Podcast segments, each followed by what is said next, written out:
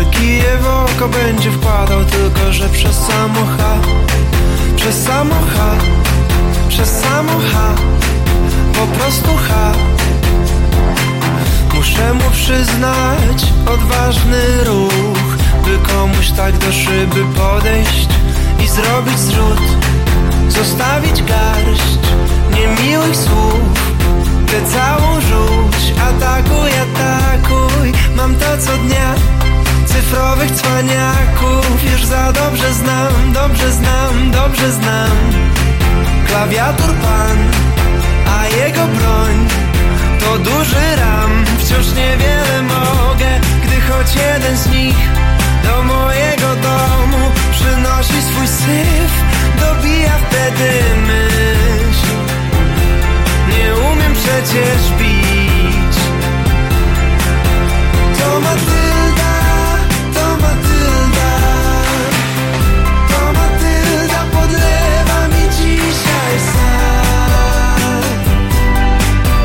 querer ir dançar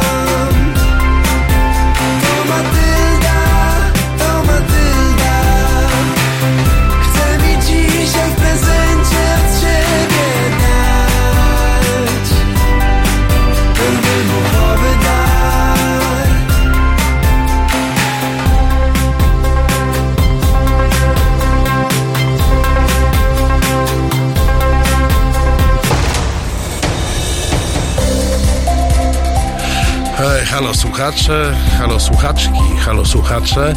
Dobry wieczór, Marcin Celiński. Halo Radio. Jest w Londynie 18 em, i 1 minuta, w Warszawie 19 i 1 minuta, a w Tokio trzecia nad ranem.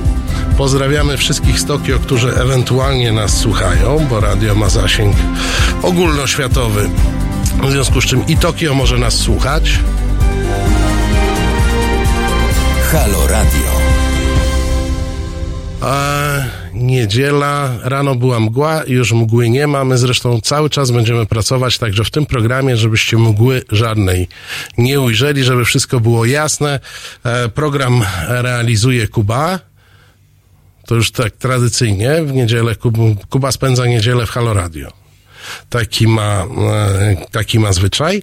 Mm, A my dzisiaj, zgodnie z zapowiedzią, a, pogadamy trochę o kraju, o którym czasami dużo się w Polsce mówi, choć mam wrażenie, e, że nie zawsze z taką chęcią zrozumienia, co tam się dzieje. O, witam i pozdrawiam niewiernych, lubuskie z wami. E, Pozdrawiamy, panie Wiesławie. Warszawa z lubuskim. A w studiu w Warszawie jest doktor Dominik Hej. Dzień dobry. Dobry wieczór, dzień Dobry dobry. wieczór, tak, racja. Jeszcze dodając o radio, to powinniśmy Kedwesz Holgotoing, czyli drodzy słuchacze. Tak jest. E, jeśli chodzi o, Dominika, to zaprosiłem go, bo on o tym kraju, o Węgrzech, wie bardzo dużo, pewnie prawie wszystko e, i stara się nas o tym, co tam się dzieje, e, informować, między innymi przez portal.hu e, ale także bardzo aktywnie w mediach e, społecznościowych. Czasami nawet toczy różne wojny e, z innymi e, użytkownikami mediów e, społecznościowych e, o to, mm, co czasami e, media polskie nam piszą o e, Węgrzech, no to, to powiedzmy sobie tak. Węgry, kraj dziesięciomilionowy, e, Węgry, kraj z bardzo stabilną władzą od wielu lat, bo od wielu lat rządzi tam Fidesz i mm, Viktor Orban. I zacznę od takiego pytania, które do jakiegoś stopnia będzie moim pytaniem osobistym. Kiedy e, Fidesz e, pojawił się na węgierskiej scenie politycznej, e, kiedy Fidesz e, zmierzał do swojego pierwszego zwycięstwa e, wyborczego, nie ukrywam, że ludzie mojego pokolenia patrzyli na Orbana i jego partię z taką pewną nadzieją, bo to się wydawała taka dosyć nowoczesna, fajna partia, oparta na ludziach urodzonych w latach 60. Myśmy w Polsce cały czas mieli i, mamy do dzisiaj mm, raczej ludzi u władzy, ludzi, którzy zostali urodzeni e, w latach 40. Więc patrzyliśmy na Fidesz także jako e, świeżość pokoleniową. E, Fidesz wtedy był taką, przynajmniej jawił nam się z tej perspektywy polskiej, jako taka fajna, liberalna e, partia młodych ludzi, trochę technokratów, stawiających na rozwój gospodarczy przez małą, średnią przedsiębiorczość, e, walczących o swobody obywatelskie. Fidesz wtedy walczył o to, żeby nie było czesnego na uczelniach. Były takie czasy co się z tą partią stało i jak może partia się tak zmienić, że dzisiaj, gdybym miał jeszcze raz powiem, z mojej perspektywy, e, z mojej perspektywy oceniam, że Fidesz jest jakąś taką narodowo-konserwatywną e, partią, dosyć, dosyć zachowawczą i, i dosyć, no, jeśli chodzi o liberalizm, to chyba na przeciwnym biegunie. Dużo wątków. Fidesz, zaczynając od końca, to określałbym mianem jednej z partii politycznych, które prowadzą najbardziej niesamowitą mm, partię z rodzin typu catch-all masowej, która ma niezwykły marketing polityczny. Znaczy tego, w jaki sposób można wykreować bardzo wiele różnych wątków wewnątrz. Jakby odpowiadając na to pytanie, e, rok 98, kiedy Fidesz dochodzi po raz pierwszy do władzy. Trudno... Fidesz, nie Fidesz. Fidesz, tak. Esz to S, S to Esz e, na Węgrzech. Jeszcze wtedy w zupełnie innej koalicji, ale to, co jest e, niezwykłe w sumie, odpowiadając na to, jest książka Ojczyzna jest jedna, wydana przez Wiktora Orbana w 2009 roku w Polsce i tam wstęp pisze premier Jerzy Buzek. I teraz pytanie w zasadzie jest takie, czy dzisiaj byśmy w sobie byli w stanie to wyobrazić. Niespecjalnie, ale premier Buzek akcentuje tam to, że właśnie w 98 roku, kiedy na przykład odżywa Grupa Wyszehradzka, schodząc na niższy portret, jest, więc, jest sporo ludzi, która pamięta takie zdjęcie, gdzie stoi Jerzy Buzek, Viktor Orban e, i premier Mikulasz Dziurinda oraz premier e, Czech, przepraszam, nie pamiętam go, chyba to Polanek, wtedy na Wzgórzu Zamkowym, który dzisiaj już jest kancelarią premiera i oni przybywają nowy pakt takiej świeżości właśnie europejskiej.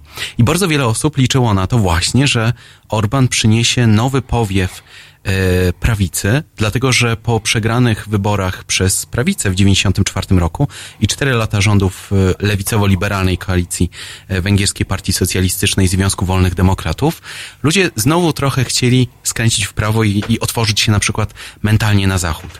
Ale to, co się dzieje przez pierwsze cztery lata i potem w opozycji, bardzo mocno zmienia E, premiera Węgier, który postanawia stworzyć odnowę moralną, to jest nawet wpisane w węgierskiej konstytucji, i zaczyna realizować pomysły, które zdaniem części węgierskich politologów już były w latach 98-2002, ale po prostu nie udało się ich przeforsować przez brak większości konstytucyjnej. Ale żeby było jeszcze trudniej w tym wszystkim, szczególnie jeżeli mówimy o, o, o polityce gospodarczej, to po latach wskazywania Węgier jako kraju, którego gospodarka powinna się najlepiej zawalić przez to, na przykład przez renacjonalizację, przez podatek bankowy itd., tak itd., tak te wskaźniki rosną, a PKB Węgier jest chyba trzecie w Europie. Oczywiście to jest powiązane mocno z niemieckim kapitałem i tak dalej, ale Węgry są strasznie przewrotne, gdzie moglibyśmy z jednej strony coś im zarzucać, ale z drugiej strony nagle się okazuje, że te pomysły wcale nie są takie złe.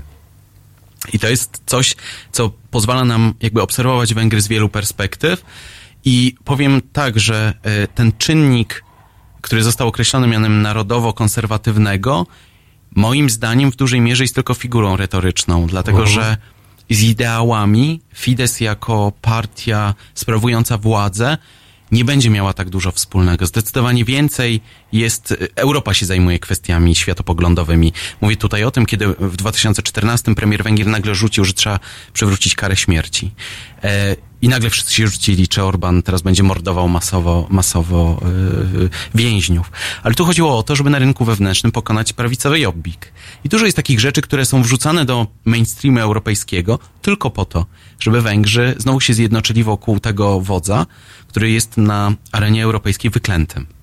Słuchaj, no tutaj pa, Państwo na czacie piszą, że faszyzm zawsze miał się dobrze na Węgrzech, nic nowego no, tam się nie, dzieje, ale z tego, co ty mówisz, to raczej mówimy o bardzo pragmatycznym e, i cynicznym e, graniu ideami, tak? Polityka to biznes i to jest coś, co na Węgrzech powinno być mocno e, wskazywane. Ja tylko dodam, bo jeśli ktoś, ktoś pisze o faszyzmie, to partia Jobbik, która była określana mianem skrajnej prawicy, zamieniła się z, z Fidesem miejscami, to znaczy ona stała się nagle poszła w kierunku centrum.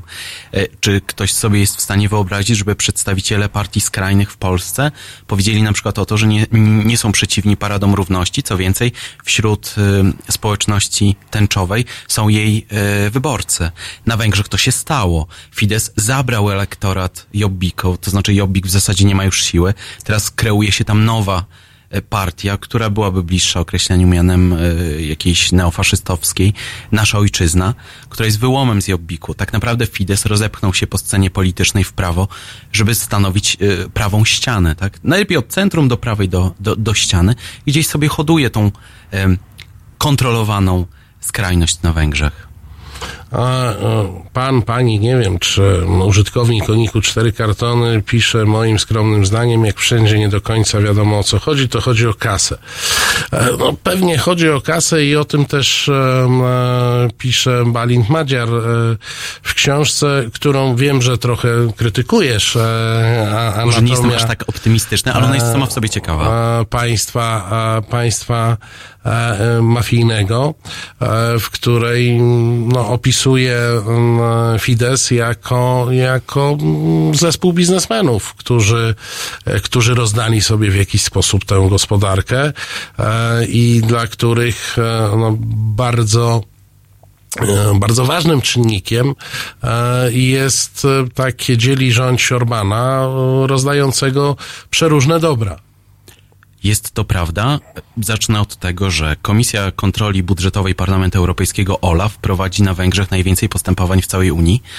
Dwa, Węgry będą musiały, nie pamiętam teraz kwoty z ostatniego raportu OLAF, ale oddać kilkanaście miliardów euro mało transparentnie wydawanych środków finansowych. Ta grupa oligarchów, moglibyśmy faktycznie wskazywać imiona i nazwiska osób, które wokół premiera są i które e, dzierżą niejako władzę, ale Znowu przewrotną odpowiedzią na to pytanie jest to, że kiedy 13 października myśmy na, w Polsce fascynowali się wyborami parlamentarnymi, a na Węgrzech były wybory samorządowe, to kiedy opozycja niejako odbiła Budapeszt, to znaczy wygrała w zasadzie tylko w Budapeszcie. Jest jeszcze kilka miast, ale na pewno nie na taką skalę i nie w zgromadzeniach parlamentarnych tych lokalnych. E, spółki należące do koncernu Lorenza Misarosza, jednego z najbliższych współpracowników, kolegi z dzieciństwa premiera, tąpnęły na węgierskiej giełdzie rano, dlatego że nie ma wątpliwości, że Związek jest bezpośredni. mocny właśnie w związku z choćby z, mm, z przetargami na ogromne kwoty. Jest to grupa kilku osób. Jedna z nich, do jednej z nich należy takie konsorcjum medialne, Fundacja Mediów Europy Środkowej e, i Wschodniej, której zadaniem jest skupić 476 tytułów, które są bardzo prorządowe. To jest coś, co z polskiej perspektywy wydaje się wręcz nieprawdopodobne, żeby e, mieć w- ręku tak silny aparat przekazu. No, powiedzmy sobie z polskiej perspektywy, póki co. A za chwilę właśnie e, Kult i Kazik przypomną nam, gdzie mieszkamy. Mieszkamy e, w Polsce, a zaraz po kulcie wracamy.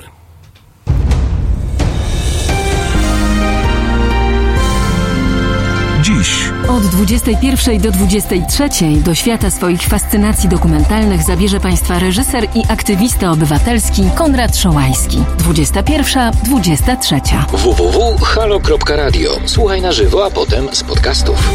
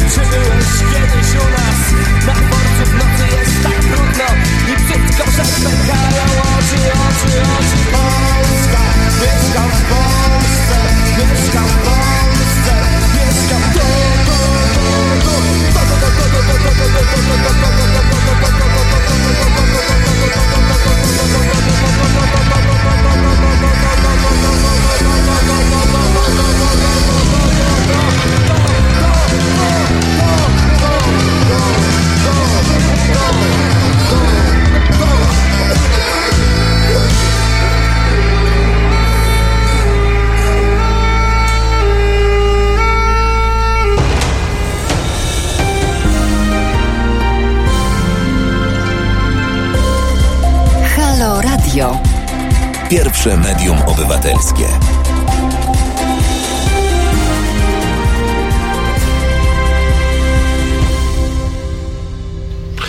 Halo Radio w Nowym Jorku już 13.19. Nie wiem jak u Państwa. Na razie zgłosiło się tylko lubuskie i pozdrawiamy to lubuskie e, e, mocno.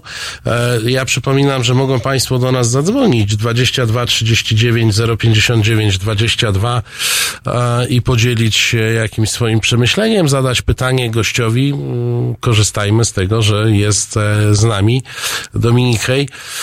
To przejdźmy trochę do tej, tej drugiej strony. Wspomniałeś, e, że 13 października opozycji udało się odbić e, Budapeszt. To i dużo i mało. No bo Budapeszt to jest chyba miasto niespełna dwumilionowe. Tak, Tak, tak. ono jest paradoksalnie większe od Warszawy, a w porównaniu do całego kraju jest Budapeszt i nic więcej. No to no, no, no, co z samej statystyki by nam wyszło, że to jest lekko ponad jedna piąta ludności Węgier to jest Budapeszt, czyli to jest jakiś sukces, ale co z tą opozycją? Jest tam opozycja, nie ma tej opozycji, no, no rozumiem, odbiła Budapeszt, czyli jest, ale jest i jaka? Odbiła Budapeszt korzystając mm, z tego, co się Przepraszam, stało pozdrawiamy Dolnośląskie. Dostałem uwagę, że Dolnośląskie też słucha. Już bliżej. Budapesztu. Tak. E, to, co jest ciekawe w węgierskiej opozycji w tym, w tym sukcesie, to jest sukces, który mógł już nastąpić w 2018 roku przy okazji wyborów parlamentarnych, dlatego że gdyby opozycja w samym Budapeszcie, w którym tak naprawdę tylko ma szansę zdobywać mandaty, e, skoordynowała swoją współpracę, mogła uzyskać jeszcze sześć mandatów, czyli Fidesz nie miałby większości konstytucyjnej i mocno utrudnione rządy przez cztery lata, teraz jeszcze przez trzy. Natomiast w Budapeszcie udało się wystawić wspólnego kandydata, bądź kandydata, przeciwko któremu nie wystawiono kontrkandydata, czyli Gergeja Koraczonia, który wygrał e, z Isztwanem Tarloszem, ówczesnym, e, wywodzącym się z Fidesu burmistrzem. To jest, o ty, jest z dwóch powodów duży sukces. Pierwszy, Fidesz w ogóle nie spodziewał się, że przegra wybory, dlatego że dwa instytuty badawcze, Neizopont i Sazodwik, utwierdzały go w przekonaniu, że opozycja nie ma szans. Z drugiej strony, Budapeszt będzie teraz y, sprawowana władza tam tak, jakby Budapeszt miał być autonomią i mikropaństwem rządzonym przez opozycję i to już widać. Mimo tego, że ledwie półtora miesiąca niecałe mija od wyborów, to Koraczoń mocno pokazuje, że będzie opozycyjny wobec rządu. Jego ranga jest tak wysoka, że został zaproszony na posiedzenie rządu, dlatego że Koraczoń stwierdził, że nie będą go wiązały żadne ustalenia byłego burmistrza z, z, z rządem. E, Co więcej, dostał zapewnienie jeszcze w Brukseli, że będzie miał środki finansowe przekazywane bezpośrednio z pominięciem e, rządu. To jest rzecz kolejna, czyli ta, na którą Budapeszt ma się nie martwić o swój wkład własny, na przykład w projekty.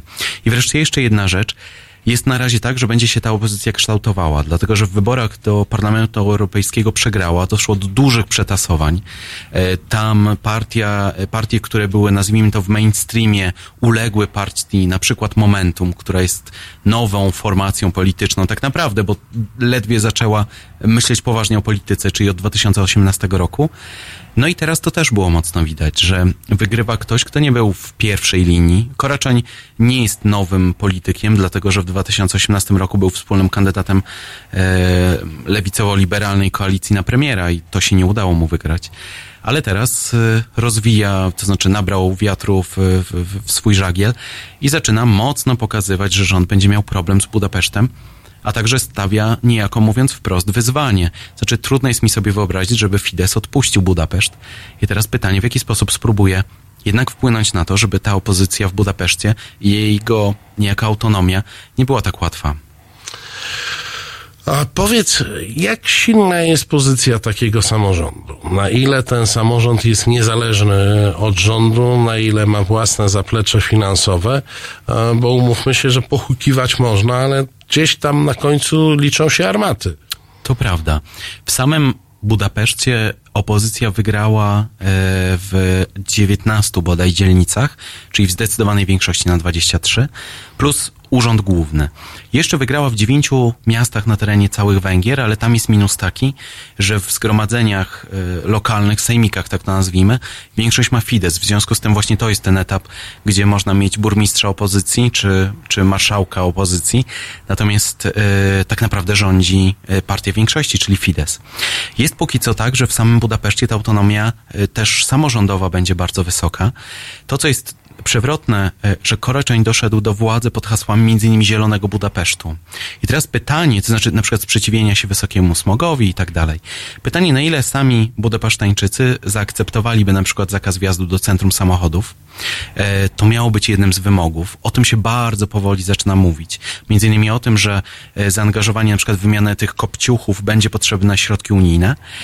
Natomiast na razie sam, sami do końca nie wiemy, jakie będą układy. To, co w opozycji jest jej słabością, to jest to, że poza wystawianiem na przykład wspólnego kandydata nie jest w stanie sformułować wspólnego programu.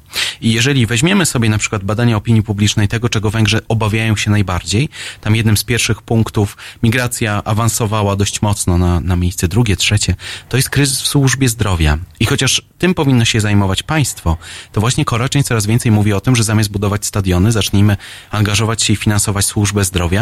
I to ma być jego sztandarowy program. To znaczy właśnie pokazanie w mikroskali, że zamiast e, wydawać pieniądze na to, na co dotychczas wydawała władza, musimy iść w stronę takich rzeczy, nazwijmy to przyziemnych. Natomiast akcent proeuropejski został mocno pokazany. E, Był już w Brukseli. E, Próbuje założyć tą, nazwijmy to, wspólnotę prezydentów europejską, gdzie ma być prezydent Trzaskowski, prezydent Bratysławy, jeśli dobrze pamiętam, i jeszcze co najmniej kilka innych postaci. Więc ten proeuropejski nurt który też w Budapeszcie mocno kosmopolitycznym się ujawnia, tutaj będzie stosowany. My pozdrawiamy naszych słuchaczy dolnośląskie, opolskie, śląskie, mazowieckie, e, wielkopolskie, wszystkie regiony Polski e, pozdrawiamy. Pan Ole Saturnus pisze ciągle, pocieszamy się, że nie jest tak źle jak na Węgrzech. To tak mi się skojarzyło z tym, co mówiłeś o służbie zdrowia, bo tutaj też ten, Jest tam gorzej. ten przykład. Aha. Jest Słuchajcie gorzej. Państwo, jak narzekacie jest takie miejsce, gdzie jest gorzej, nie wiem, czy to pocieszające z tą, z tą służbą zdrowia, ale powiedz e, jeszcze w tej części, Jarosław Kaczyński nam kiedyś obiecał Budapeszt e, w Warszawie i te takie odniesienia PiSu e, do sytuacji na Węgrzech, do, do Fideszu są ta, takie dosyć czytelne. Ostatnio troszkę jakby cichsze, ale e, jeszcze w kampanii europejskiej dosyć, dosyć żywe. Na ile uprawnione jest porównywanie tych sytuacji? Książka, o której wspomnieliśmy, Anatomia Państwa Mafijnego w swoim polskim wydaniu ma nawet taką e, tabelę, równoległy opis systemów Polska-Węgry. Na ile uprawnione jest takie przenoszenie proste sytuacji na, na Węgrzech do sytuacji polskiej? Wydaje mi się, że w żaden. Dlatego, że podstawy społeczne, historyczne, e, światopoglądowe Polski i Węgier, jeżeli mówimy o partii konserwatywnej, w Polsce i na Węgrzech są skrajnie różne. E, Żeby spojrzeć na przykład na to, o czym rzadko się mówi, że mm, na Węgrzech na przykład kwestie związane z rolą Kościoła w polityce, e, związkach partnerskich, możliwości adopcji dzieci w ogromnym uproszczeniu także przez tęczowe rodziny, e, czy zawierania związków partnerskich także homoseksualnych, jest czymś, co jakby z polskiej perspektywy byłoby nie do zaakceptowania, kiedy mówimy konserwatywne. Czyli dla, dla e, Orbana nie jest największym zagrożeniem LGBT, tak jak dla PiSu. Myślę, że, że ma wię, większe problemy, tym bardziej, że, że y, część nowelizacji kodeksu cywilnego, która właśnie dawała dodatkowe uprawnienia, była właśnie już za rządów y, Fidesu. W związku z tym to nie jest jedna z najważniejszych rzeczy, która znajdzie się w, oczywiście w ostatnim czasie, czyli bodaj trzy miesiące temu, jeszcze przy okazji wakacji, była ta afera z Coca-Colą na Węgrzech y, i tym, że ona e, miała to hasło, jeśli dobrze pamiętam, Love is Love. E, natomiast proszę zwrócić uwagę, że to nie premier się wypowiadał w tej kwestii, tylko jeden z jego ministrów i sprawa w zasadzie ucichła. Dlatego, że poza ewentualnie jakimś e, akcentem retorycznym nie idą żadne zmiany w prawie, które miałyby cokolwiek wpłynąć.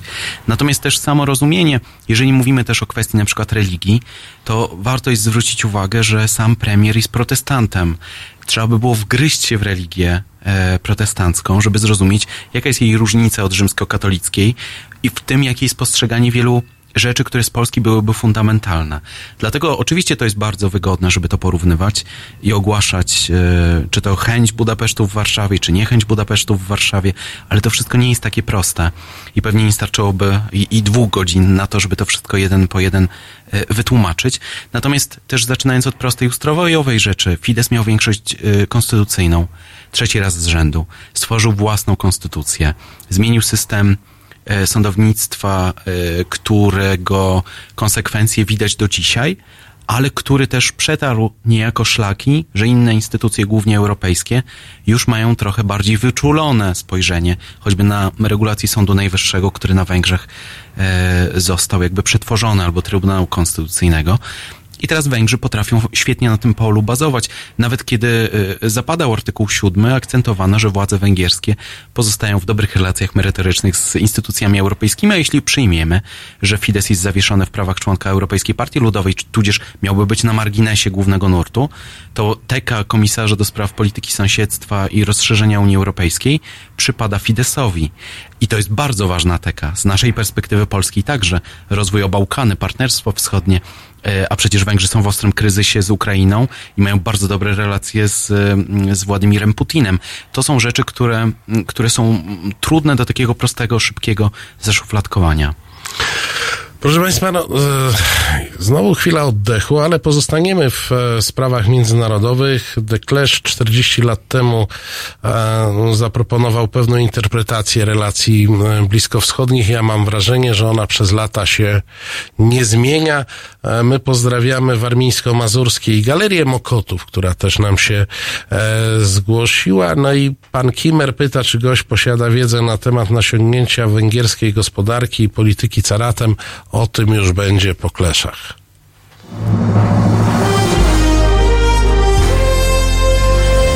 We wtorek. O poranku między siódmą a dziesiątą prawdziwy człowiek orkiestra Tomek Końca. Obudzi nawet umarłych. Siódma, dziesiąta. www.halo.radio. Słuchaj na żywo, a potem z podcastów.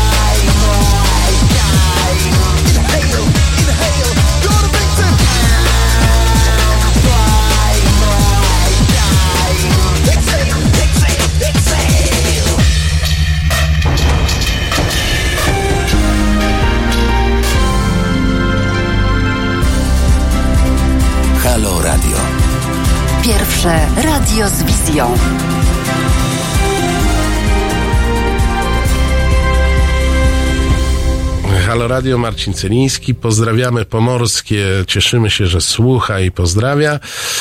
Pan Robert Jakub pyta, kto się zgodził na co, co teraz leci. Toż to Prodigy. Tak, ja jestem winien Państwu przeprosiny.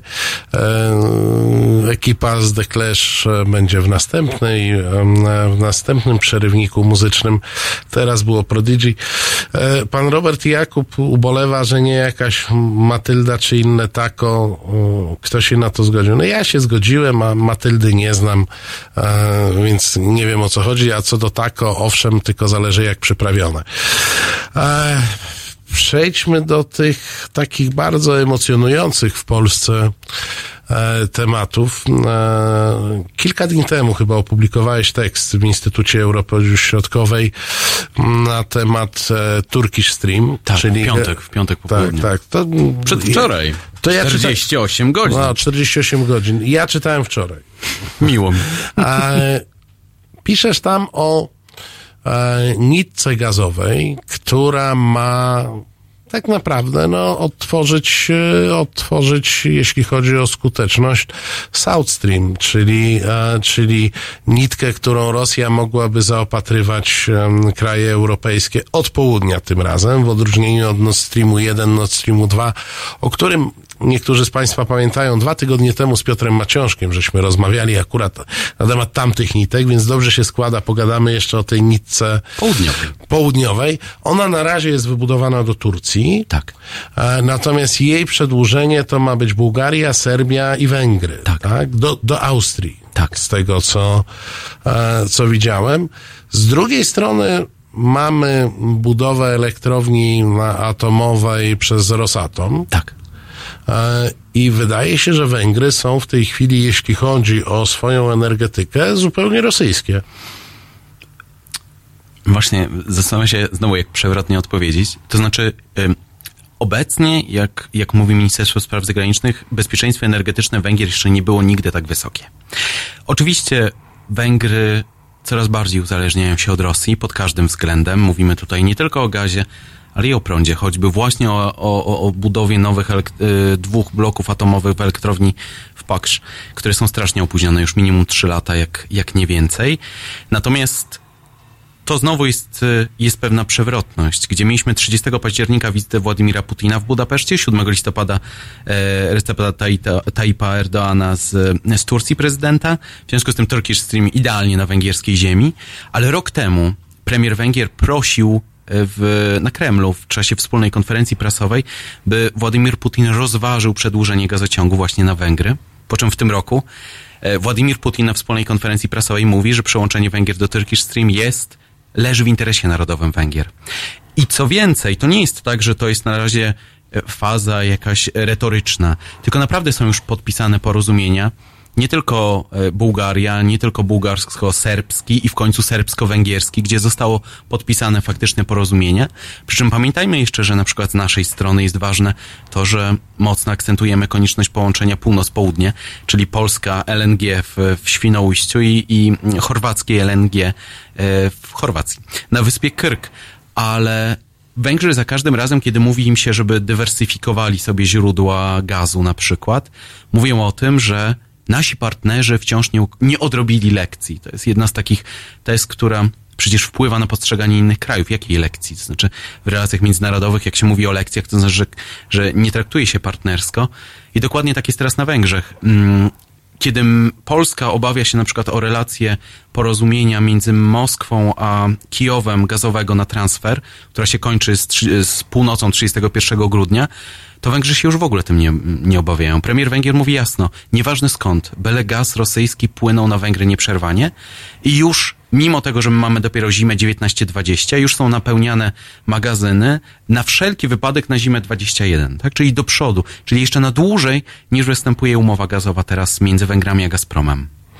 Ja tylko Państwu dopowiem, że Węgry, e, jeśli chodzi o mm, odbiór gazu, to jest ciekawy przypadek, bo no, kraj 10-milionowy, jak mówiłem, a, a po, ma zapotrzebowanie na gaz mniej więcej połowę polskiego, czyli po, Polska, która potrzebuje 20 miliardów e, metrów sześciennych, 37-milionowy kraj, Węgry potrzebują mniej więcej 10 miliardów Tak.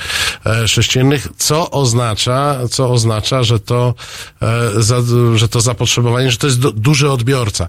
Ale powiedz, ta prorosyjskość Ormana, którą my jakoś e, obserwujemy, jak ona się zderza choćby z emocjami e, Węgrów? Bo wydawałoby się, tak idąc znowu polskim tropem, polskim rozumieniem, że rok 56 em, powinien e, zostawić e, w Węgrach no, co najmniej dystans e, do Rosjan, co najmniej jakąś nieufność, a tutaj no, wydaje się, że to jest jak pełna przyjaźń, pełna sympatia i pełna współpraca. No dobrze, ale jednocześnie uzależnienie, to znaczy to, jeżeli kładę rękę na pieniek i wiem, że ktoś trzyma siekierę, to muszę mieć bardzo dużo zaufania do tego kogoś. Pytanie, kto trzyma Kto siekierę? trzyma siekierę. No właśnie, no to, to jest, więc... W narracji węgierskiej raczej nie Rosja wtedy, tylko naj- albo wspólnie, albo siekiery nie ma. Mówiąc zupełnie Nie, serio. Nie, no, no, ale jak nie ma siekiery? Jeżeli a, no, Węgrzy przecież byli doświadczeni i ja rozumiem, że cieszą się, że z południa dostaną gaz, bo nie będą uzależnieni od przesyłu przez Ukrainę, no ale z drugiej strony ta Ukraina to jest taki przykład dla nas wszystkich, że w momencie, kiedy wchodzi się w jakiś spór z Rosją, e, raptem ten przysłowiowy kurek jest przykręcany. Ten kurek można przykręcić też na nitce południowej. raczej nielojalnym klientom. Może w ten sposób.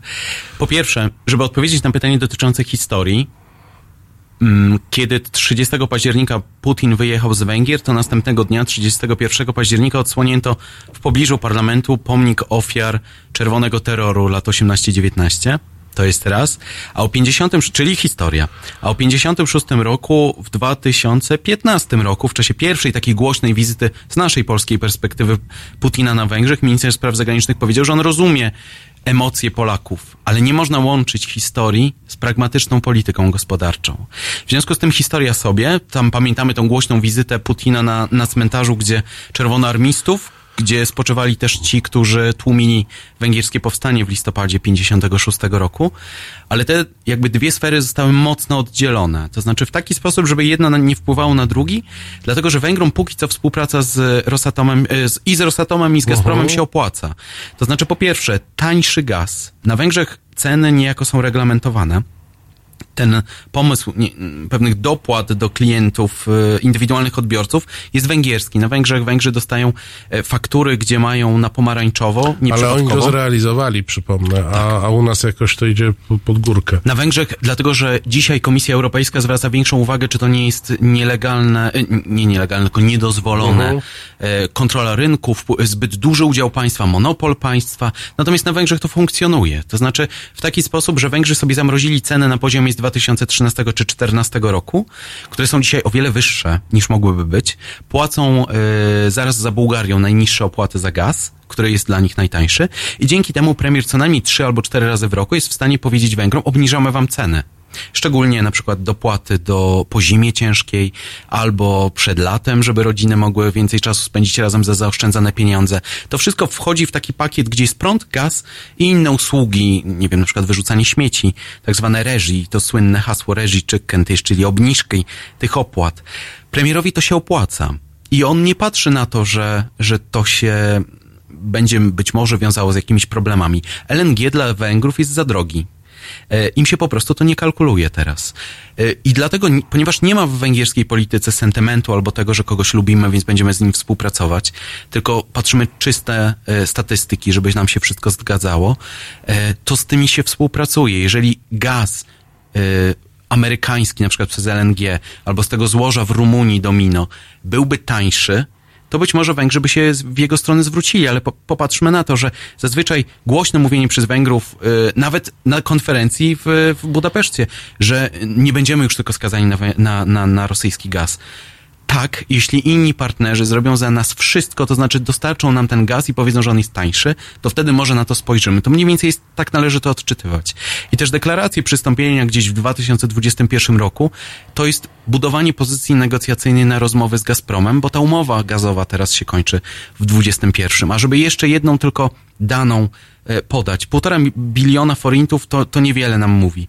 Ale dzięki temu, że w 2015 roku Węgrzy przestali musieć płacić za gaz, którego nie wykorzystują i za jego rewers, czyli jakby zwrot, e, dało się wszystkim Węgrom dać podwyżki.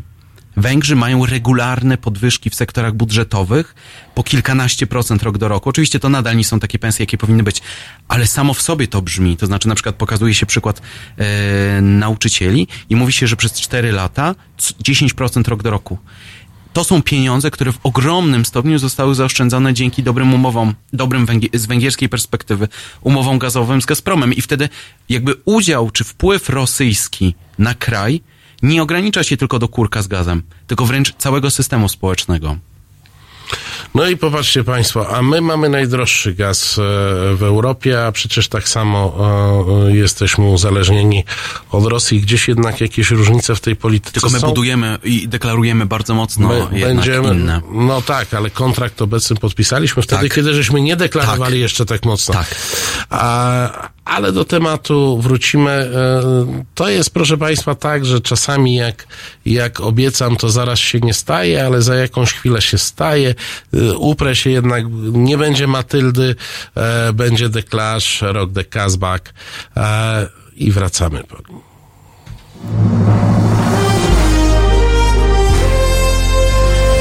Jutro. O poranku między siódmą a dziesiątą budzi Państwa dziennikarz i aktywista obywatelski Roman Kurkiewicz, którego serce od samego rana bije po lewej stronie. Halo Poranek od siódmej do dziesiątej. www.halo.radio. Słuchaj na żywo, a potem z podcastów.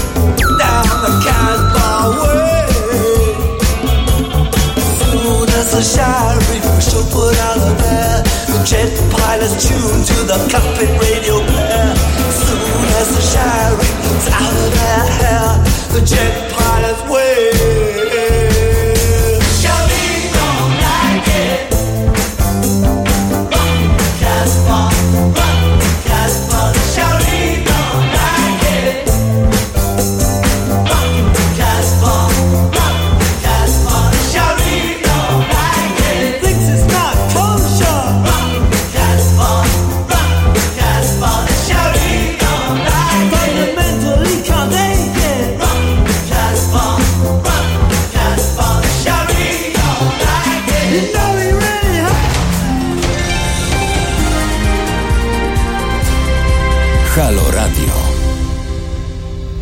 Halo Radio. E, Nie wiem, czy Państwo wiecie, ale w Chicago jest właśnie 12.52. E, Nie wiem, co w tym Chicago robią. Powinni nas słuchać. Czy jest ktoś z Chicago? Odezwijcie się Państwo. Możecie też zadzwonić 22 39 059 22. Naszym gościem jest e, nadal Dominik Hej. Wciąż dobry wieczór. Wciąż dobry wieczór.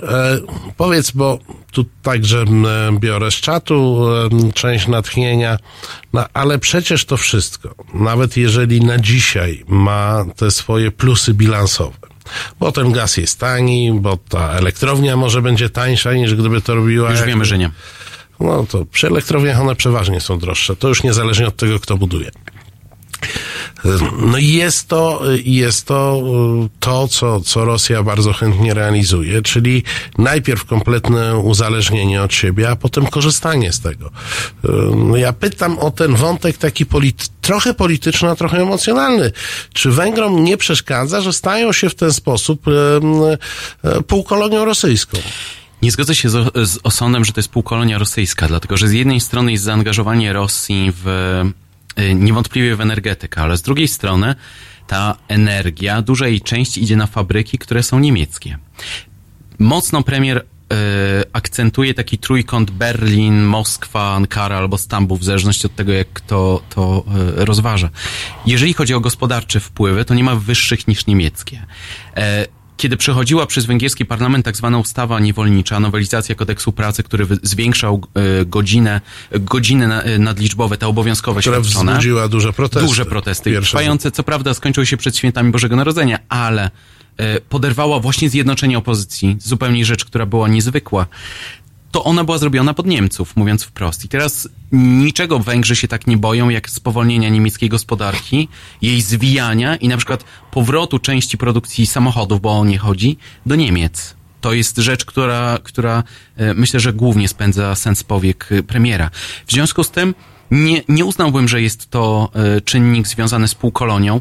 Według danych MSZ-u Węgry na sankcjach na przykład, za którymi głosują, ale krytykują, tracą 8 miliardów dolarów. I teraz coś, co jest też ciekawe, szczególnie z perspektywy Grupy Wyszehradzkiej, to to, że e, Węgrzy mocno akcentowali to, że za sankcje zapłaci tak naprawdę Europa Środkowa, a nie e, Zachód. Tak? To znaczy zwróćmy uwagę, że wizyty e, Putina w Austrii, w, we Francji, w Niemczech, albo, albo odwrotnie, istnieją, tak? To znaczy one funkcjonują. E, W związku z tym, jak sam Orban mówi, on nie robi niczego niezwykłego. Tu głównie chodzi o to, że póki co to się opłaca. Oczywiście to jest też tak, że Węgry są zdecydowanie mniejsze od Rosji, ale Węgry Rosji są przydatne do momentu, w którym są członkiem Unii Europejskiej i na przykład teraz mają takę e, związaną z Partnerstwem Wschodnim wobec Ukrainy. Ale pamiętajmy też o napięciach na Zakarpaciu, na Ukrainie przy granicy węgierskiej. No, więc e, trochę też to mm, e, wpisuje się w politykę Węgier, no, powiedzmy, dosyć chłodną wobec Ukrainy. I, I nawet jak e, były te takie m, e, rozmowy i sondaże nieformalne i wypuszczanie Żyrinowskiego z różnymi pomysłami na temat podziału Ukrainy, to zdaje się, że na Węgrzech nie budziło to protestów, a wręcz przeciwnie, jakąś taką... Zakarpacie miało być od razu przyłączone. Zresztą pamiętajmy, że kiedy trwała inwazja na Krym, to premier Węgier w węgierskim parlamencie domagał się autonomii na Zakarpaciu, czego jakby nie zrobił w cichej czy tajemnej rozmowie z, z, z prezydentem Ukrainy, tylko wygłosił to publicznie. Dominiku, ja niestety nie zadałem nawet połowy pytań, które, które do ciebie mam. E, W związku z czym, e, nie wiem, je- jeżeli nie zaprotestujesz bardzo, to umówimy się na jakąś Bardzo kolejną. chętnie. Jeśli państwo się nie zanudzili przy okazji. no, Państwo się nie zanudzili, państwo, e, państwo komentują, za co dziękujemy. Wprawdzie nikt z Państwa nie chciał zadzwonić, ale rozumiem, może macie tylko komputery, nie macie telefonów. E, Ja Ci bardzo dziękuję, Dziękuję za dzisiejszą też. rozmowę. E, My wracamy po e, chwili, e, po chwili e, muzyki.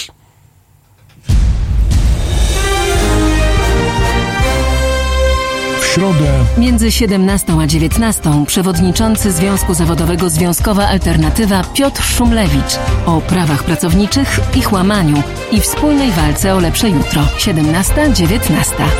www.halo.radio. Słuchaj na żywo, a potem z podcastów. No matter gain or it's those tiny little sparks daily life that makes me forget my wounded heart. It doesn't matter when, it may rain or it may shine. Blurry memories of us come back from time to time. No matter gain or grin, it's those tiny little sparks in daily life that makes me forget my sulky heart. It doesn't matter when,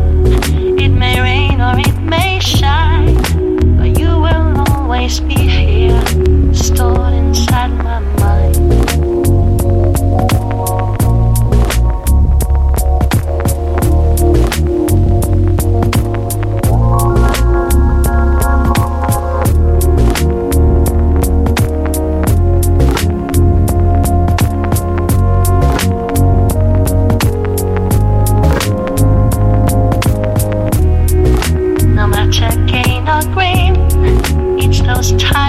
Sparks daily life that makes me forget my wounded heart. It doesn't matter when, it may rain or it may shine. Blurry memories of us come back from time to time. No matter gain or gain, it's those tiny little sparks daily life that makes me forget my sulky heart. It doesn't matter when, it may rain or it may shine, but you will always be here, stored inside my mind.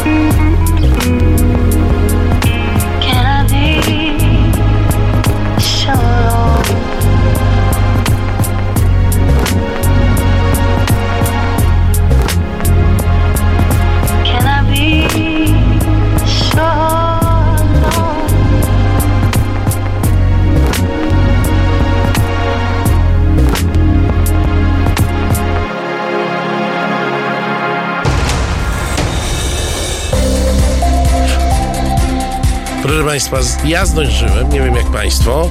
E, Halo Radio w Nowym Jorku 14, w Londynie 19, e, w Tokio 4. E, Cieszę się, że jesteście z nami. Za chwilę będziemy podsumowywać ubiegły tydzień, w którym sporo się e, działo. E, zawsze możecie zadzwonić 22 39 059 22.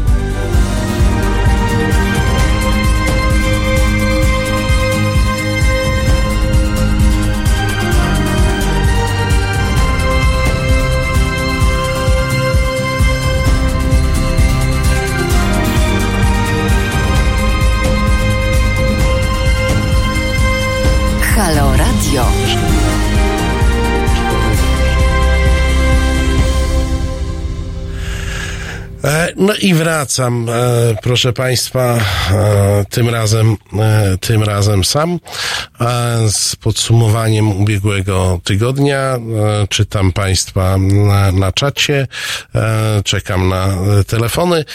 Zacznę od informacji z gatunku bardzo poważnych, na co idą pieniądze. Otóż Radio Wrocław poinformowało, że do 28 grudnia na dworcu głównym we Wrocławiu zostanie otwarta kaplica świętej Katarzyny Aleksandryjskiej. Gdyby ktoś z Państwa po 28 grudnia a, podróżował pociągiem i poczuł nagłą potrzebę znalezienia się w kaplicy, to we Wrocławiu taką możliwość będziecie mieli. Zakładam też, że PKP, bo to przecież e, E, PKP jest inwestorem, e, także na ty, tym pociągom dalekobieżnym przejeżdżającym przez Wrocław zafunduje trochę dłuższe przerwy, nie tylko przesiadkowe, ale to będzie tak, e, będziecie słyszeć z głośników, e, tu Wrocław, e, stacja Wrocław Główny, e, chętni do modlitwy mają pół godziny przerwy. E, Jak e, napisał duszpasterz kolejarzy z archidiecezji wrocławskiej, bo kolejarze muszą mieć duszpasterza, jak wiecie. E, mm, e, że Mało tego, dzięki życzliwości Eternal World Television e, Network będzie można też Pana Jezusa adorować przez streaming, e, bo też będzie tutaj, więc cały świat będzie mógł się pokłonić Panu Jezusowi w e, kaplicy dworcowej. To propozycja dla wszystkich tych, którzy do Wrocławia się w najbliższym czasie nie wybierają. Będzie można przez internet o tym adorować, jak mówił tutaj ksiądz e, Kleszcz. E, no i tak parę informacji może trochę trochę mniej ważnych i mniej boskich, choć jeszcze bodnie, tu będzie jeszcze na początek boska. No, mieliśmy expose pana premiera, pana ministra sportu i premiera e, Morawieckiego. E, w expose pan premier powiedział, że będzie dobrze i że zlikwiduje wszystkie złe rzeczy, które zrobili poprzednicy. Pan premier chyba e, zapomniał, kto był poprzednikiem. Niewiele zapamiętałem z tego expose, ale Myślę, że e, tak naprawdę pożytek z tego expose e, mia, ma ten profil na Facebooku, e, wiersze Mateusza Morawieckiego pisane w Excelu, bo ma nowy content. E, Pewien pożytek z expose e, miał Adrian Zandberg, który występował w imieniu Lewicy i komentował e, expose. E, no i stał się nową nadzieją i nową gwiazdą, nową gwiazdą, wielką nadzieją e, polskiej polityki, przynajmniej tak to orzekli e, komentatorzy. Ja powiem uczciwie, ja też doceniłem to wystąpienie, ale jednocześnie patrzę, jak bardzo nisko jest zawieszona w polskiej polityce e, poprzeczka. Otóż wystarczy, że ktoś mówi w języku polskim, przygotował się do wystąpienia e, i mówi w miarę na temat i już jesteśmy zachwyceni.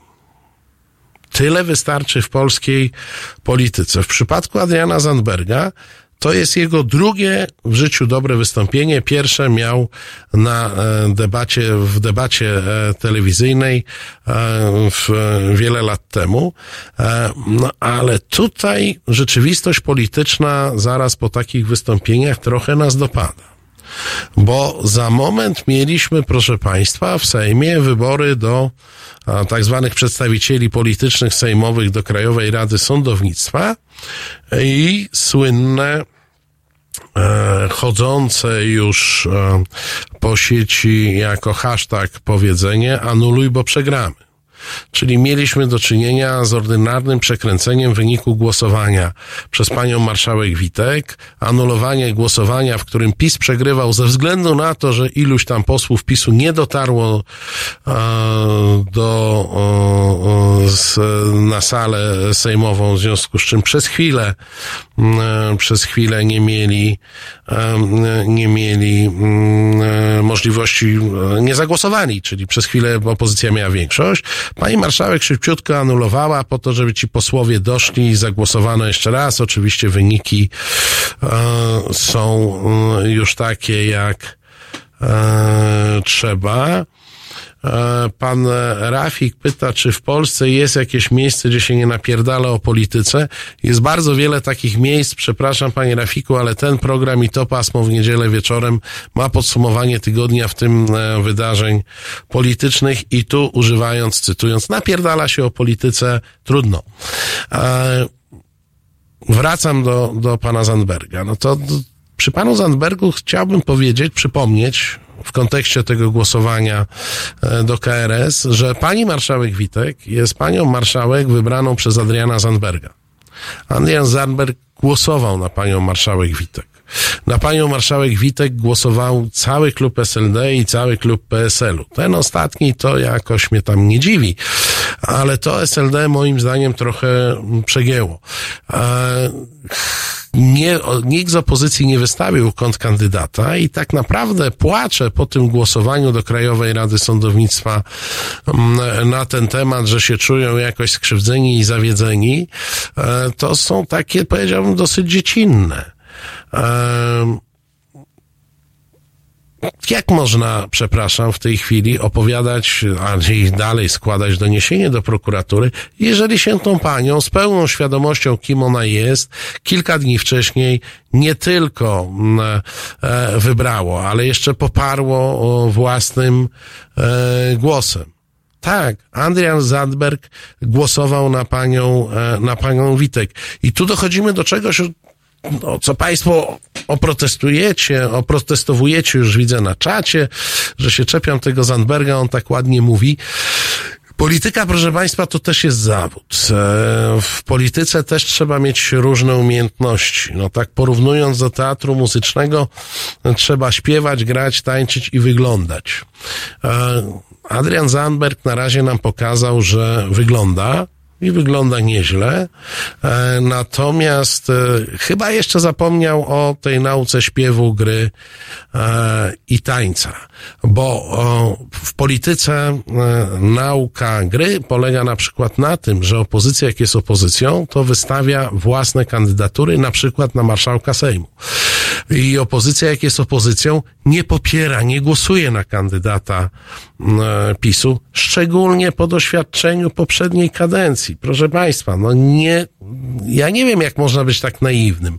Każdego człowieka na ulicy, którego spotkam, bez względu na to, czy głosował na PiS, czy nie głosował na PiS, doskonale wie, e, że pani, e, że pani Witek jest wierną funkcjonariuszką Jarosława Kaczyńskiego i będzie przekręcać te wybory, jeżeli partia jej e, każe. Więc każdy na ulicy to wie, kto, kto wie, e, kojarzy, co, jaki jest układ w Sejmie. A chcecie im powiedzieć, że co, posłowie lewicy tego nie wiedzą? E, Za dużo jest. em, Ja rozumiem, że my jesteśmy trochę spragnieni jakichś takich nowych bohaterów. E, Ciągle szukamy kogoś, kto by nas oderwał od takiej szarości, którą nam do tej pory opozycja e, proponowała, ale jeżeli e, następna nadzieja opozycyjna, Klaudia Jachira, e, mówi, że w zasadzie to jej się ci ludzie z Konfederacji e, podobają, bo oni są tacy wolnorynkowi i jak tu pójdą w stronę e, wolnego rynku, to, to, to w sumie fajne chłopaki są i można z nimi pogadać. No to słuchajcie, naprawdę, no ręce mi opadają. Ja, ja nie wiem nawet jak to określić. Ludzie pokroju Konfederacji, ludzie pokroju pana Brauna e, powinni być wykluczeni z dyskursu przez e, nie ze względu na ich poglądy, tylko ze względu na ich sposób działania i oni się sami wykluczają z łacińskiej wspólnoty kulturowej. Jeżeli pani Jachira znajduje z nimi wspólny język, bo oni są wolnorynkowi, to ja nie wiem, jak można z panią Jachirą na jakikolwiek e, temat e, rozmawiać. Być może e, stand-uperzy YouTube'owi powinni pozostać stand-uperami YouTube'owymi, e, robić happeningi i nie, nie wchodzić w politykę. Jeżeli pani Jachira nie wie, co to jest Konfederacja i właśnie poznała fajnych chłopaków wolnorynkowych, to nie wiem, czy z taką opozycją my gdziekolwiek, gdziekolwiek dojedziemy. Opozycja to jest przedstawianie własnych pomysłów i opozycja to jest także trzymanie się własnego systemu wartości. Jeżeli w systemie wartości pana Zandberga e, leży głosowanie na kandydatkę PiS na marszałkinię na panią Witek, a w systemie wartości pani Jachiri e, e, leży dogadywanie się z Konfederacją, to my, proszę państwa, opozycji nie mamy. A teraz chwilę odetchniemy przy muzyce.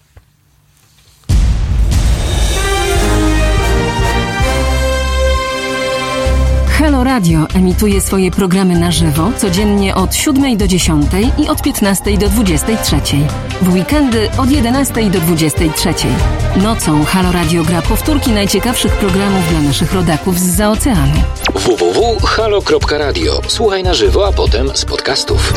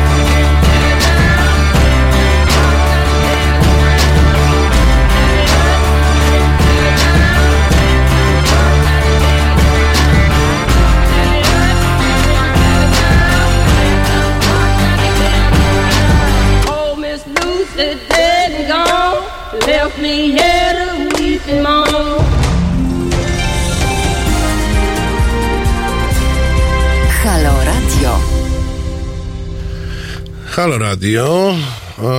którą my mamy godzinę w Los Angeles 11.19. E, myślę, że tam jest trochę cieplej jak, e, jak u nas, ale nie wiem, jeśli Państwo e, z Los Angeles nas słuchają, 22 39 059 22 to jest nasz numer, proszę to o tym opowiedzieć.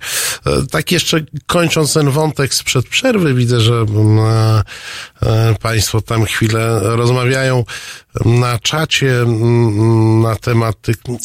Ja po prostu mówię o takim elementarnym profesjonalizmie. To znaczy, zakładam, że jak ktoś do polityki idzie, skądkolwiek by nie szedł, to się jakoś do tego przygotowuje. E, liczę przynajmniej na to, że ci młodsi, tacy mniej zawodowi, e, nie, nie mówię o posłach od ośmiu kadencji, bo, bo o nich chyba ciężko mówić,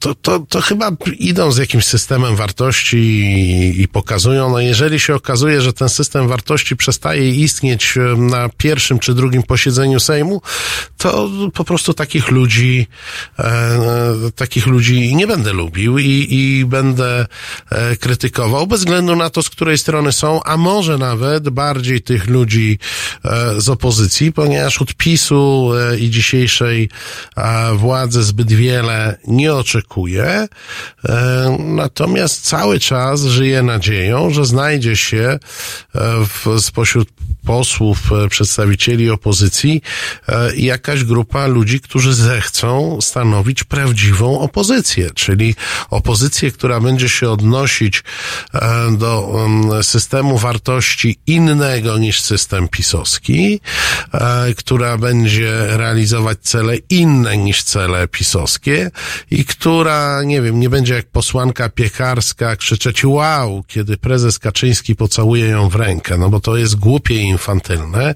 i nie będzie jak posłanka Jachira zachwycać się chłopakami z Konfederacji, że są przystojni i wolnorynkowi. No naprawdę, słuchajcie, no cień powagi. Eee, cień powagi. Eee, pan, pani, nie wiem, Moniku, agenda, opozycja w Sejmie nic nie może, pociągi mają wysadzać. Nie, właśnie problem polega na tym, że opozycja może.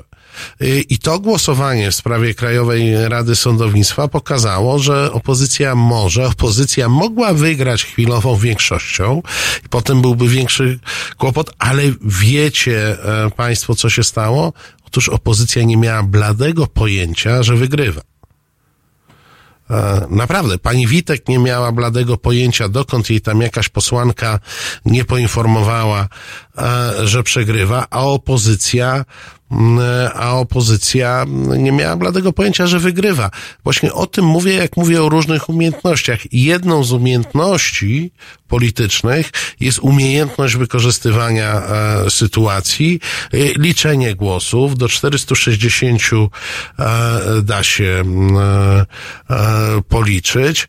E, no to taki powiedziałbym elementarz polityczny, który um, ja rozumiem, że nowi posłowie po, muszą mieć chwilę czasu, żeby sobie przyswoić, no ale no, powinni się szybko, e, szybko uczyć i nie dawać się ogrywać, no po prostu nie dawać się ogrywać. Ale proszę Państwa, znowu, no temat e, pomnikowy, nie wiem, chyba drugi dzień e, w mediach przetacza się dyskusja, bo pan minister sportu i premier przy okazji Morawiecki powiedział, że wraca do pomysłu wielkiego łuku triumfalnego budowanego na Wiśle, na Saskiej Kępie, poświęconego m, e, bitwie warszawskiej. E, I ja Państwu powiem, że ja myślę, że on to powiedział po to, żebyśmy my o tym rozmawiali, a nie rozmawiali o rzeczach ważniejszych. Więc ja o tym łuku triumfalnym nie będę rozmawiał. Niech tam się na Twitterze prawicowi redaktorzy um, um, ścigają um, między sobą, kto jest bardziej za łukiem triumfalnym i jak bardzo wielki on powinien być. Bo ja Państwu powiem, moim zdaniem, powiecie, że to spiskowatoria, to jest takie wypuszczenie na przykrycie mm, tematów ważnych. A co jest tematem ważnym moim zdaniem? A na przykład to, że jutro e, minister Błaszczak spotka się z pilotami, żeby im powiedzieć, e, żeby im powiedzieć, że tracą uprawnienia do pilotowania myśliwcami MiG-29. E, takie są procedury, takie są e, przepisy, że mm, e, jeżeli samoloty określonego typu przez pół roku są uziemione, czyli nie latają, to piloci tracą uprawnienia do ich pilotowania. MIGI nie latają od 9 miesięcy. No i co to oznacza na praktykę? No, zaraz jakiś pisowiec powie, a to ruskie są e, samoloty i po co nam e, e, one? No, no, problem polega na tym, że Dla no, obrony naszej e, przestrzeni powietrznej potrzebne są myśliwce. I my posiadamy 48 myśliwców F-16, ale wedle oficjalnych danych jedynie 10 jest w gotowości bojowej. Czyli można je poderwać i nimi latać, choć nieoficjalnie, na pewno złe języki, które tu chcą szkalować PiS, mówią, że tak naprawdę mamy dwa F-16, które są w stanie w trybie alarmowym e, poderwać się i latać. No może to wystarczy na przechwycenie jakiegoś szybowca, e, natomiast w przypadku zagrożenia e, zbrojnego to, mm, to te dwa mogą nie wystarczyć. No, uzupełniały te, te braki, uzupełniało 29 e, migów, e, które mm, są uziemione, a dlaczego są uziemione, to trzeba przypomnieć. Są uziemione po e, wypadku lotniczym, w którym zginął pilot. I znowu powiedzielibyśmy ruski sprzęt i w ogóle, no ale ten pilot, co już wiemy, e, zginął dzięki mm, e, działalności Polskiej Grupy Zbrojeniowej. Otóż Polska Grupa Zbrojeniowa dokonała pewnych e, modyfikacji, konkretnie modyfikacji w, wzmocnienia takich paneli przy fotelu pilota i ten mechanizm nie zadziałał. To znaczy pilot, znaczy po pierwsze była awaria polegająca na tym, że MIG stracił paliwo. Pilot wtedy zachował się tak, jak powinien się zachować, czyli przekierował ten samolot poza teren zabudowany po to, żeby nie było strat, po czym się katapultował. No ale jak się katapultował, to katapultował się tym sprzętem zmodernizowanym przez polskie zakłady zbrojeniowe, co oznacza, że spadochron się nie otworzył, pilot zginął w tym wypadku, ponieważ wada nie jest usunięta, choć e, stwierdzona, bo jak wiecie, PGZ to takie oczko w głowie ministra Macierewicza e, działa dosyć e, e, powoli. No to tych migów nie będziemy mieli. Mamy jeszcze 12 samolotów Su-22, a także radzieckiej produkcji, ale to są samoloty, które są samolotami ofensywnymi do bombardowania, więc nie nadają się za bardzo do strzeżenia e, przestrzeni powietrznej. I my sobie, proszę Państwa, e, będziemy dyskutować o wielkim łuku e, triumfalnym z okazji Bitwy Warszawskiej, e, natomiast e, nie będziemy mówić o tym, że Warszawa jest zupełnie niechroniona w tej chwili, nie ma żadnej ochrony e, lotniczej, że samoloty, te, które są sprawne i mogą latać, są uziemione, te, które mm, teoretycznie też powinny latać, z jakichś przyczyn nie latają, tylko dwa są, e, tylko dwa są sprawne, ale my zbudujmy sobie, proszę Państwa, wielki łuk triumfalny. E, można by było, e, mo, można by było jeszcze podys- a może sobie dwa łuki z, e, zbudujmy, a może w ogóle postawmy tak wzdłuż Wisły, tak, bo tam to jest taki projekt, żeby w Wiśle to postawić, e, żeby e, tak, taką jakoś serię tych łuków, od Warszawy do Gdańska na przykład, same łuki i wszystkie bitwy, jakie mamy e, w historii sobie wymieńmy. To jest zawsze, proszę Państwa, e, problem, kiedy zawraca nam się e, głowę bitwami przeszłymi, nawet największymi. Ja nie twierdzę, że niegodnymi upamiętnienia. Natomiast ukrywa się przed nami to, co dotyczy bitw przyszłych e, i możemy tylko, może w tej kaplicy we Wrocławiu kolejowej pomodlić się, żeby do żadnej e, bitwy nie doszło. Kto z Państwa się modli i, mm, i, i ma taką wiarę, że to pomoże, no to, to niech jedzie do tego Wrocławia, bo samoloty nam e, nie pomogą. E, pan Piotr, ulubieniec mój, e, stały gość, pisze, że jak nie będzie łuku, to wszystkie problemy Polski znikną. E, Panie Piotrze, tak, a jak go zbudujemy, to od razu poczujemy się lepiej i samoloty zaczną nam latać. Chyba nie ma takiego związku przyczynowo-skutkowego. E, wracamy zaraz po i ja już jestem troszkę e, e, zestresowany moją pomyłką z pierwszej części e, audycji, ale zdaje się, że teraz będą arktyczne małpy.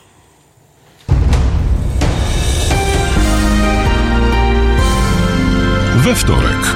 Od 21 do 23 telefony od Państwa odbiera Radek Masłowski.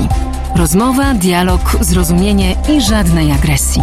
21-23. Zapraszamy. www.halo.radio. Słuchaj na żywo, a potem z podcastów.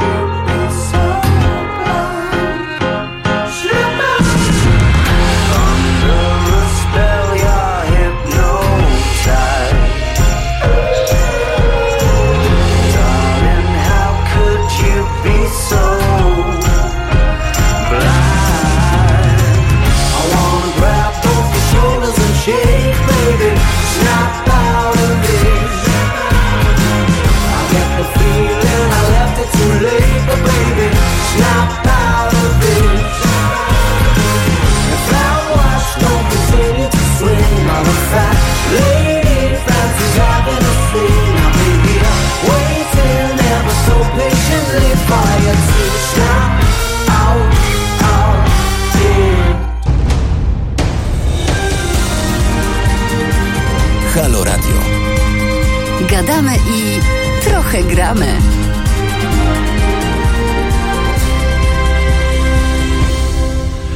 E, Halo Radio.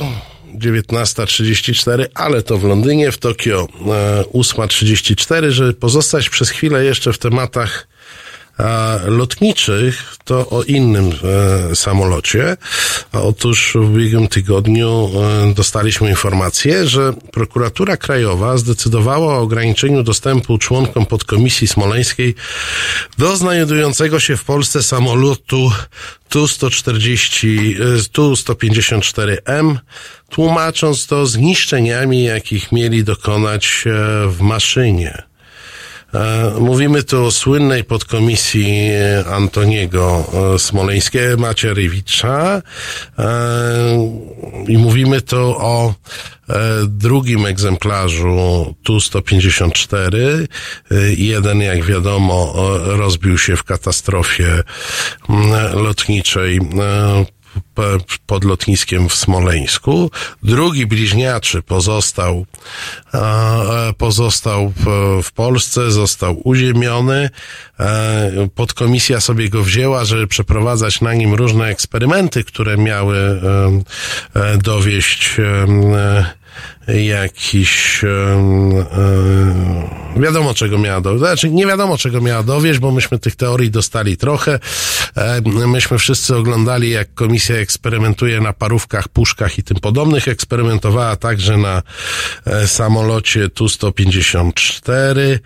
E, po co prokuratura krajowa to e, zrobiła? No przede wszystkim po to, żeby e, każdy, kto będzie chciał się zbliżyć do tego samolotu, musiał uzyskać zgodę e, prokuratury.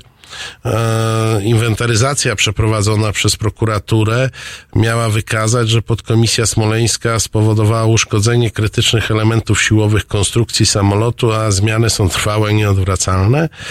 E, mamy też oświadczenie e, podkomisji. Uwaga, podkomisja wyraża zdumienie, że jej prace stają się przedmiotem ataków. Wiecie Państwo, od e, wielu lat e, mamy jesteśmy świadkami e, żenujących działań najpierw e, zespołu e, smoleńskiego, który ściągnął chyba największych magików i dziwaków z całego e, świata. Oni właśnie pastwili się nad parówką i, e, i puszką. Jak się okazuje, pastwili się też nad tym e, samolotem.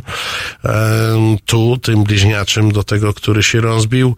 E, ta, ten zespół e, przekształcił się w podkomisję. Ta podkomisja dochodzi do prawdy, a to wszystko, proszę Państwa, za nasze ciężko zarobione pieniądze, z których część e, oddajemy, e, oddajemy w podatkach, między innymi na podkomisję, która psuje różne rzeczy do tego stopnia, że nawet pisowska prokuratura doszła do wniosku, że należałoby to um, psucie e, powstrzymać.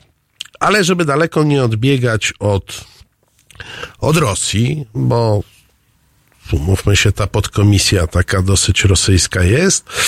E, No mamy informacje e, z Katalonii o tym, że wszczęto śledztwo w sprawie grupy obywateli Rosji, którzy mieli podejmować działania destabilizujące sytuację w Katalonii e, w czasie referendum niepodległościowego z października 2017 i dotyczy to doniesienie e, niedawno ujawnionego e, oficjalnie prawie istnienia specjalnej jednostki rosyjskiego wywiadu wojskowego. E, To jest tak zwana jednostka 29155, która, m, której zadaniem jest e, dywersja, działania na rzecz destabilizacji państw Europy Zachodniej. E, Wiadomo, że e, ta, w tej jednostce są także, mm, e, e, także ludzie z licencją na mm, zabijanie.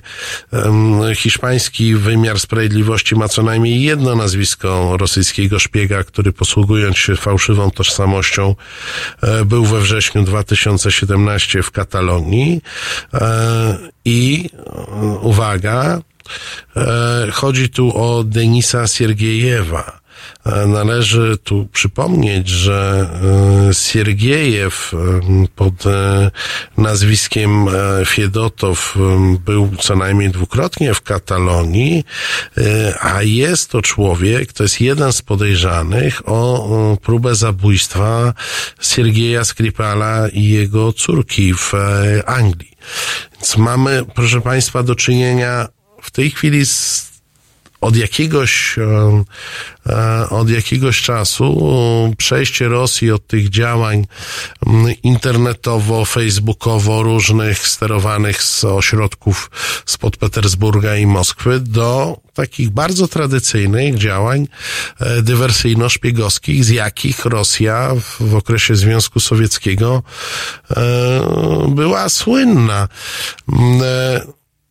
I to, żebyście Państwo wiedzieli, ja nie podejrzewam tutaj, żeby Rosjanie w jakiś sposób inicjowali e, tendencje niepodległościowe w Katalonii. One są. One są i mm, sytuacja w Hiszpanii jest dużo bardziej skomplikowana niż nam to media e, mainstreamowe przekazują. Natomiast e, Rosjanie ewidentnie grają na tego typu e, podziały i bardzo mocno je wspierają, wykorzystują je, czyli nie inicjują, ale wykorzystują. Tak jak wykorzystują, tak jak wykorzystują sytuację ruchów faszystowskich narodowych w Europie Zachodniej. No nie stworzyli partii Le Pena i pani Le Pen później, ale jak już ta partia się pojawiła, bardzo chętnie finansowali i wspierali. Nie stworzyli neofaszystowskich partii we Włoszech, ale chętnie je wspierają. To samo w Austrii.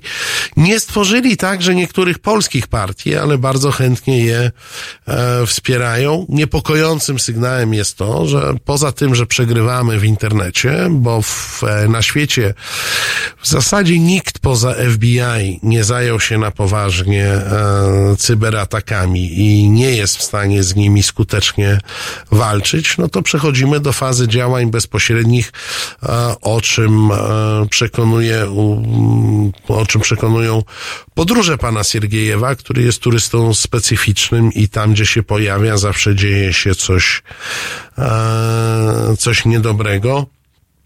Pan Zbyszek poleca wszystkim do, poczynania, do poczytania doktrynę Gierasimowa. Tak, e, to jest w ogóle pisma Gierasimowa. To one są dostępne nawet, proszę Państwa, na, na oficjalnych rosyjskich portalach. Jak, jak ktoś zna język rosyjski, dosyć łatwo e, może się z nimi zapoznać. E, Doktryna, której zwolennikiem ewidentnie jest Władimir Putin, zakłada działanie, granie na tych podziałach, działanie, działania, które mają doprowadzić, pogłębiać dezintegrację tam, gdzie tylko e, jakiś pomysł na dezintegrację, mm, e, jak e, pomysł na dezintegrację się pojawia, to Rosjanie natychmiast się pojawiają z pieniędzmi, z Facebookiem, innymi mediami społecznościowymi i na koniec jeszcze z agentami. E, Pan Mac Wyspa pyta, jak USA robi kipisz na Ukrainie, to jest dobrze? No nie jest dobrze i tym się już zajmuje, e, zajmuje Izba Reprezentantów. E, USA jest w tej chwili takiej dosyć specyficznej sytuacji, jeśli chodzi o władzę. I należy przypomnieć, że ten sam problem, o którym mówimy, wystąpił w Stanach Zjednoczonych i Rosjanie mieli bardzo duży wpływ na wynik amerykańskich wyborów. Może różnica jest tylko taka, m, że m, FBI wykryło ataki rosyjskie, a zawaliły amerykańskie elity polityczne, bo Partia Demokratyczna wiele miesięcy przed e, aferą miała informacje od FBI, natomiast e, doszła do wniosku, że ich e, wewnętrzni informatycy dadzą sobie z tym radę. Ich, e, mówię o informatykach Partii Demokratycznej, e, ci stwierdzili, że dadzą sobie radę, a potem czytaliśmy maile pani Clinton w różnych miejscach e, e, sieci.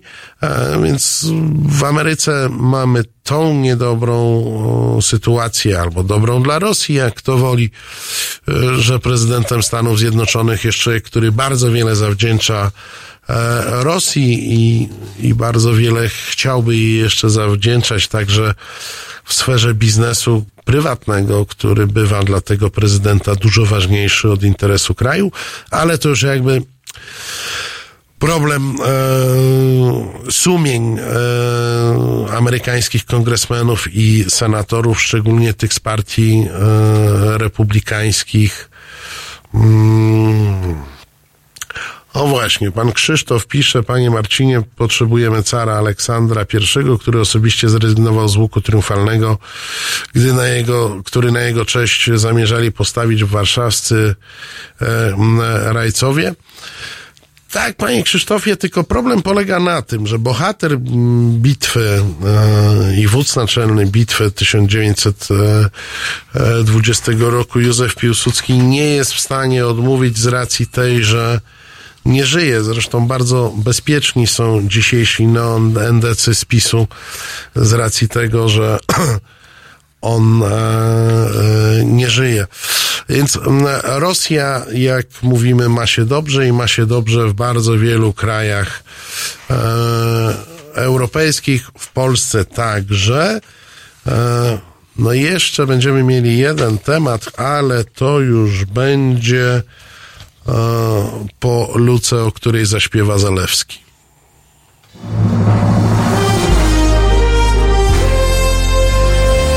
Proste. Żeby robić medium prawdziwie obywatelskie, potrzebujemy Państwa stałego wsparcia finansowego. Szczegóły na naszej stronie www.halo.radio, w mobilnej aplikacji na Androida i iOS-a oraz na koncie Fundacji Obywatelskiej w serwisie www.patronite.pl. Naszym darczyniom i darczyńcom serdecznie dziękujemy. www.halo.radio. Słuchaj na żywo, a potem z podcastów.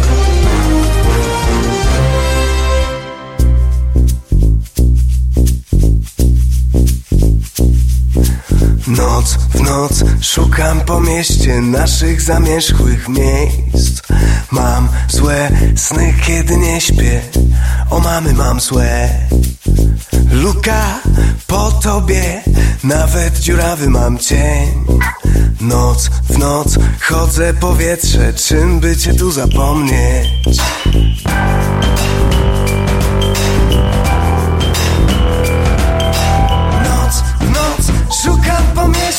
Naszych zamierzchłych miejsc Mam złe sny, kiedy nie śpię Nocą. O mamy mam złe. Luka po tobie Nawet dziurawy mam cień. Noc w noc chodzę powietrze Czym by cię tu zapomnieć? Proszę cię bądź cicho i chodź. Uciekniemy daleko.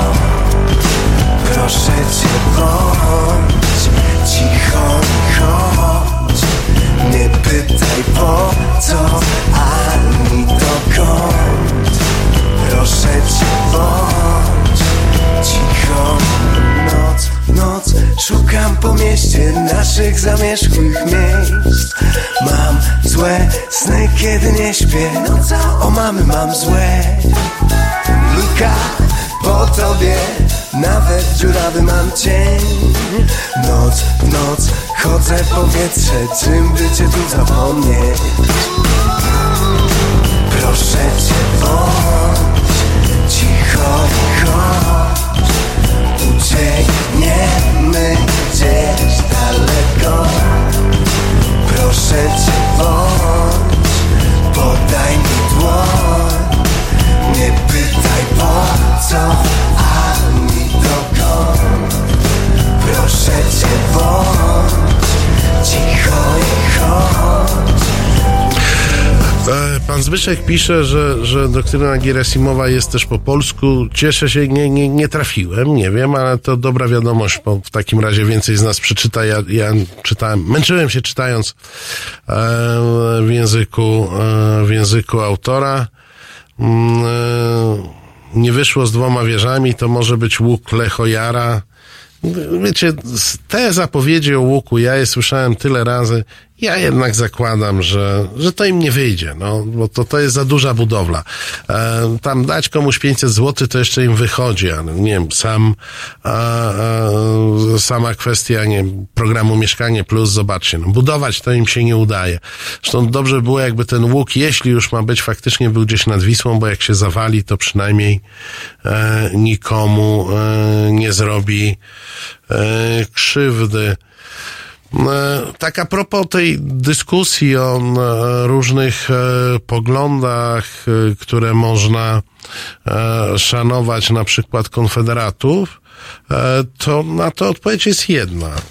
Nie mówimy o poglądach, mówimy o sposobie działania. Na pewno słyszeliście murem za Kasią. Kasia to jest e, imię nieprawdziwe, ale nadane w, e, przez dziennikarza dla chronienia e, tożsamości e, ofiary wielokrotnych gwałtów e, księdza, e, e, członka Towarzystwa Chrystusowego, e, która ma zasądzone milion złotych odszkodowania od Towarzystwa Chrystusowego i 800 zł miesięcznej renty. I tu się pojawia postać polityczna e, i nie mówcie mi, że mam jego poglądy jakieś szanować. Niejaki Michalkiewicz Stanisław. Pan Stanisław Michalkiewicz, znany antysemita, e, znany mm, em, z bardzo różnych dziwnych, e, z bardzo różnych dziwnych działań. Tenże pan był uprzejmy mm, nazwać, mm, e, e, nazwać ofiarę gwałtu księżowskiego prostytutką. Ofiara wystąpiła e, do sądu. E, Tenże pan m, został skazany i on doszedł do wniosku, że należy podać jej dane osobowe. E, I za podanie danych osobowych został, e, został skazany. Proszę Państwa, z takimi ludźmi się po prostu nie rozmawia i kompletnie mnie nie interesuje, jakie poglądy ma pan Stanisław Michalkiewicz, który jest po prostu sukinsynem który dręczy ofiarę gwałtu. Tyle. I nie mówcie mi, że z takimi ludźmi należy e, rozmawiać. E, oni, e, oni nie są warci tej e, rozmowy, są e, ludźmi nieciekawymi. Wrócimy jeszcze do, e, do polityki. Część z Państwa protestuje, część z Państwa nie protestuje. No trzeba odnotować, że w największej partii opozycyjnej, to jest e, w Platformie Obywatelskiej, pojawił się drugi kandydat w, w prawyborach. Ja już się trochę e, naigrawałem z Platformy z tych, e, z tych wyborów jednokandydackich, bo to takie mm, dosyć zabawne było. Okazuje się, że e, zgłoszony został e, pan Jaś, prezydent Jaśkiewicz, prezydent Poznania. E, No i tutaj jakby wśród dziennikarzy są dwie tezy. Jedna taka, że on jest wystawiony na przysłowiowego zająca, czyli żeby po prostu ktoś jeszcze był, kto będzie pani Kidawie towarzyszył w tych prawyborach. To jest prawdopodobna teza, choć trochę nie pasuje do dotychczasowego e, życia politycznego pana Jaśkiewicza. A z drugiej strony można by było odebrać też tak, że z jednej strony mamy panią Kidawę, osobą, osobę, która złego słowa o nikim nie powie, o PiSie też za bardzo nie powie i jest takim e, miękkim, konserwatywnym obliczem e, Platformy. I pan, mamy pana Jaśkiewicza, który może nie jest e, jastrzębiem, natomiast jest człowiekiem, e, który w swojej działalności, także jako prezydent e, Poznania, dosyć ostro odcina się, Jaśkowiak, Jaśkowiak, tak? Ja się przemyliłem, e, pomyliłem, pan Zbyszek mnie poprawia. Chodziło mi o prezydenta Jaśkowiaka. Który w swojej działalności na przykład uporządkował kwestie rozliczeń czynszowych e, z Kościołem, e, który m, nie bał się, był pierwszym prezydentem, który objął patronatem Marsz Równości, więc jest to inne oblicze e, opozycji, podkreśla swój e, podkreśla swój e, inny system wartości. Może to jest jakiś promyk nadziei dla Platformy, bo jeżeli Platforma ma być dalej takim miękkim pisem, a to chyba symbolizuje kandydaturę skądinąd sympatycznej e, posłanki e, Kidawy, ale jednak to jest cały czas ta stara polityka, stare myślenie, strach przed wszystkim, co nowe, strach przed wszystkim, co progresywne, to może e, Jaśkowiak byłby tutaj e, jakimś, e, jakimś takim e, błyskiem i nadzieją dla Platformy i dla opozycji, mm, po to, żebyśmy my w drugiej turze mogli z pełnym przekonaniem głosować na kogoś, kto się będzie znacząco różnił od Andrzeja Dudy. Ja już muszę kończyć, ale ja Państwu tylko powiem, to jest taki szybki sondaż prezydencki zrobiony dla Rzeczpospolitej, 43,8 Andrzej Duda, Małgorzata Kidawa-Bońska 21, Adrian Zandberg, o którym dzisiaj już mówili 9,5, Władysław Kosiniak-Kamysz 8,3, Krzysztof Bosak 4%, Szymon Hołownia 3,7. Chciałbym zobaczyć sondaż e, z panem prezydentem Poznania. Ja wam bardzo dziękuję. E, słyszymy się za tydzień jak zwykle o 19. E, za chwilę, za chwilę studio przejmie Konrad Szołajski. Dobranoc, dziękuję.